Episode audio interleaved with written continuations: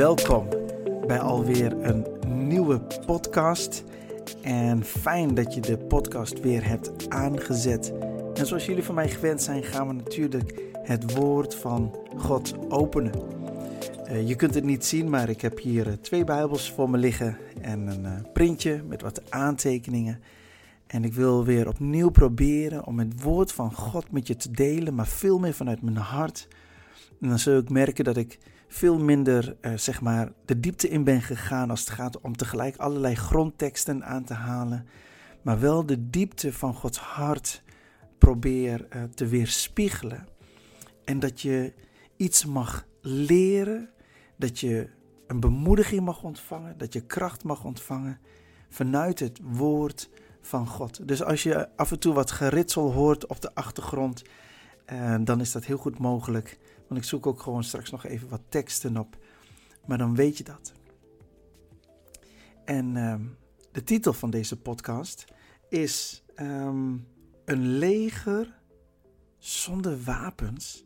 Een leger zonder wapens. Ik was um, opnieuw hè, de audiobijbel aan het luisteren, aan het beluisteren. En toen kwamen we bij dit stuk en dat uh, gaan we zo meteen even lezen uit het boek 1 Samuel, hoofdstuk 13. En dat daar een moment was dat Saul en Jonathan en de mannen die bij hen waren, dat de mannen die bij Saul en Jonathan waren, zo moet ik het zeggen, dat ze geen wapen hadden. Dat er een situatie ontstond daar dat ze geen wapens hadden. En dat ze eigenlijk wel onder druk staan en dat er een vijand is die hun wilt overmeesteren. En dat is eigenlijk best wel bizar. En het gaf me zo'n beeld van, ook wel van deze tijd, dat we uh, het woord van God. Ik, ik, weet niet hoe dat in mensen, uh, hoe, hoezeer het woord van God leeft in mensenlevens. Maar soms, als ik met mensen praat, tegenkom, dan denk ik wel eens het voelt ook alsof je geen wapen hebt in jouw geestelijk leven, waardoor die strijd ook gaande is en gaande blijft. Want je bent een gemakkelijke prooi.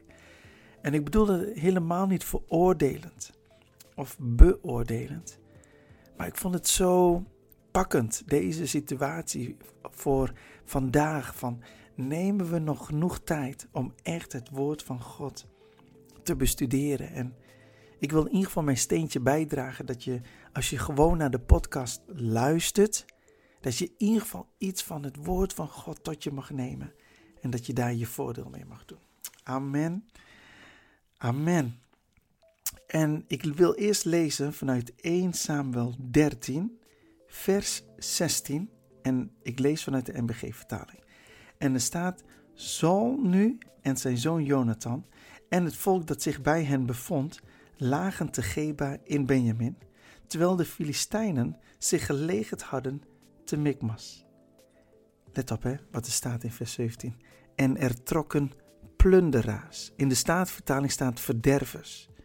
En er trokken plunderaars uit de lege plaats der Filistijnen in drie afdelingen. De ene afdeling sloeg de weg in naar Ofra, naar het gebied Suwal. De tweede sloeg de weg in naar Bet-Goron en de derde sloeg de weg in naar de streek die uitziet over het dal van Seboim, in de richting van de woestijn. In vers 19. Een smid, let op, was er niet te vinden in het gehele land van Israël, want de Filistijnen hadden gezegd: De Hebreeën mogen zich geen zwaarden, komt hier, geen zwaarden of speren maken. Man, dus moesten alle Israëlieten naar de Filistijnen gaan om ieder zijn sijs, zijn ploegschaar, zijn bel of zijn sikkel te laten scherpen. En de prijs nu was twee derde sikkel voor de sijsen en de, ploeg, en de ploegscharen en een derde sikkel voor de hakken en de bijlen en voor het vastzetten van de prikkels. Zodat er op de dag van de strijd zwaard nog speer gevonden werd bij al het volk dat bij Saul en Jonathan was. Maar bij Saul en zijn zoon Jonathan werden zij wel gevonden. Dat is toch bizar? Er waren geen zwaarden of speren. Nou, en laten we nog eens even gaan kijken van uh, wat dat dan inhoudt en, en wat we hiervan uh, kunnen leren. Een leger zonder wapens. Dat, dat is toch raar? Moet je je voorstellen dat Nederland, dat haar leger geen wapens heeft. En dat dan eigenlijk uh, de minister van Defensie tegen ons zegt: wij hoeven ons geen zorgen te maken. Want wij hebben een leger. En dan zeggen wij dan als volk: ja, een leger zonder wapens. Hoe veilig moeten wij ons dan voelen? We zijn dan kwetsbaar, toch? We zijn als land kwetsbaar. Een van de redenen waarom er uh, vrede is in een land, of vrede zou kunnen zijn in een land, is omdat er juist wapens in het land zijn. En dat klinkt een beetje agressief, maar wat ik daarmee bedoel te zeggen, als een land goed bewapend is en een leger heeft dat met wapens weet om te gaan, dan denkt een ander land wel tien keer na om te gaan aanvallen. En in de geest is dat ook zo. Als in de geest, als de machten en de krachten zien dat je eigenlijk het woord van God helemaal niet hanteert, of dat het woord van God helemaal niet leeft in jouw leven, dat het als het ware niet rijkelijk vloeit, dan ben je eigenlijk ook een makkelijke prooi. Dus een van de redenen om het zwaard van Gods geest goed te houden en scherp te houden en gezond te houden, up-to-date te houden, flexibel te houden, is juist door het in je leven uh, ja, beschikbaar te hebben. Want dan denken ze wel even na. Maar als je dat wapen niet hebt, dan ben je een eenvoudige prooi. Weet je, we lazen net dat uh, de plunderaars zij, gingen, zij, zij splitsten zich in drie groepen. En eerst dacht ik nog van, ja, weet je, zou dat een bepaalde betekenis hebben? Maar de theologen zeggen eigenlijk dat in die splitsing, geografisch gezien, dat die plunderaars, eh, eh je moet eh, eh, eh, het, het zo zien, die plunderaars was een soort afvaardiging van het leger van de Filistijnen en die gingen vooruit en die gingen dus ook echt plunderen, stelen, uh, uh, vernietigen en brandstichten om zo paniek te zaaien. Maar die strategische beweging van deze plunderaars, die zich in drie groepen gingen verdelen, daarvan zeggen de theologen dat zij zo probeerden om uh, Saul en Jonathan en hun leger, of beter gezegd hun mannen, uh, uit positie te dwingen. Dat ze uit positie raakten en eigenlijk op zo'n danige manier enigszins omsingeld raakten, geïsoleerd raakten, dat zij gedwongen werden om te vechten. En dat is natuurlijk niet zo gek hè, voor die Filistijnen, dat ze, dat ze als het ware Israël dwingen om te vechten, want ze hadden toch geen wapens. Dus wat hadden, ze, wat hadden de Filistijnen nou te vrezen voor Israël? En misschien herken je dat in je leven, dat je het gevoel hebt dat situaties, dat misschien wel drie, vier, misschien wel meer verschillende situaties jou beginnen te omsingelen, jou beginnen te isoleren. En dat je eigenlijk het gevoel hebt dat je nou moet knokken en dat dat op eigen kracht moet en, en dat er nou echt iets moet gebeuren en dat die doorbraak moet komen. En dat je het gevoel hebt dat de vijand je zit uit te dagen. En je zit te manipuleren en je zit te beangstigen dat je, dat je wel moet vechten. Als je ergens denkt, ik weet niet waar ik moet beginnen. Ik, ik, ik weet niet hoe ik dit moet doen. Moet ik nu dan gaan bidden? Moet ik gaan vasten? Moet ik gaan proclameren? Moet ik gaan aanbidden? Wat, welk wapen heb ik eigenlijk? En dat je je bijna voelt als, als Saul en Jonathan en de mannen. Dat je omringd bent door vijanden. Dat er wel een leger is, maar er zijn geen wapens. Weet je, dat, dat plunderen, hè? Wat uh, die plunderaars die zich uh, als het ware ten strijde trokken tegen Israël. Dat doet me denken aan Johannes 10, vers 10, even zo uit mijn hoofd.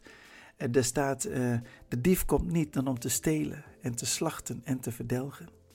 En dan zegt Jezus dit, maar ik ben gekomen opdat zij leven hebben en overvloed. Zie, dus die plunderaars, dat, hier zouden we dat echt wel kunnen zien als een demonisch iets.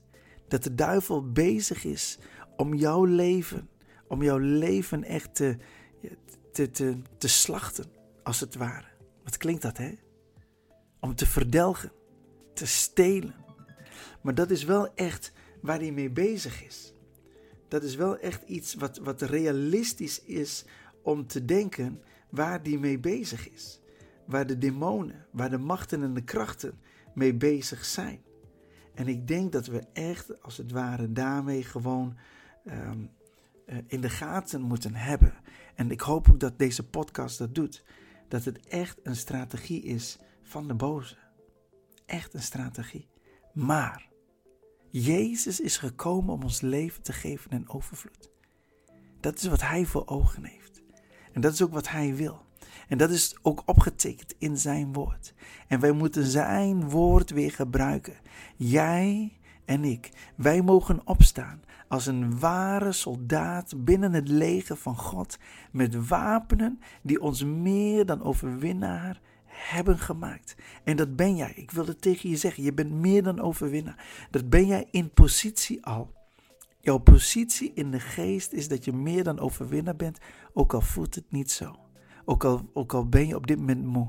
Ook al ben je misschien op dit moment teleurgesteld. Misschien ben je zelfs gewoon echt helemaal lauw geworden. Maar je bent meer dan overwinnaar. En dat wil ik tegen jou zeggen. En, en dat, je, dat het soms voelt dat je nu zonder wapen bent. Dat maakt niet dat je nu gewoon de verliezer bent. En dat er helemaal geen uitweg is. Integendeel. Ik denk dat ik deze podcast opneem voor jou.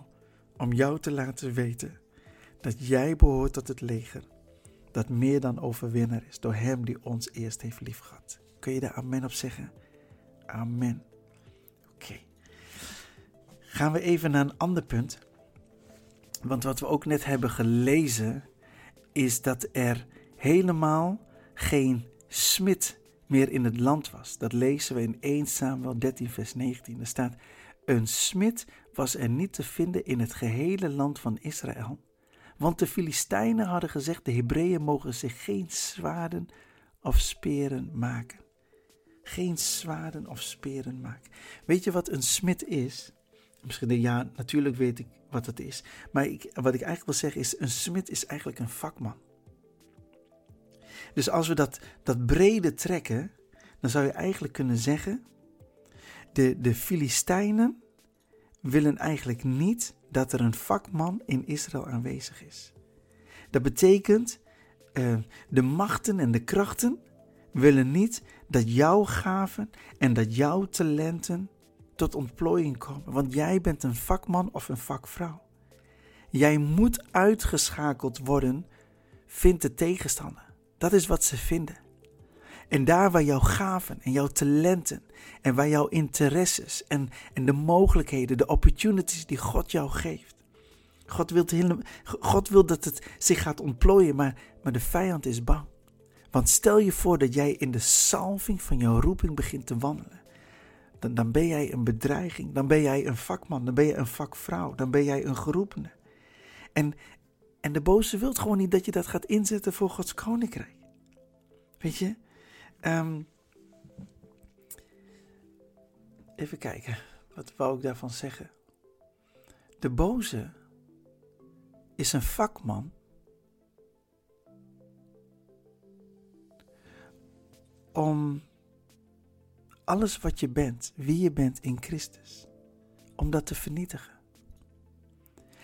De boze probeert vakkundig, probeert systematisch, probeert structureel, probeert deskundig de smid in jouw leven uit jouw leven te halen. De roeping dat op jouw leven rust. En roeping is breed, hè? Dat kan zijn binnen jouw studie, dat kan zijn binnen ehm, je werk, dat kan zijn daar waar je vrijwilligerswerk doet.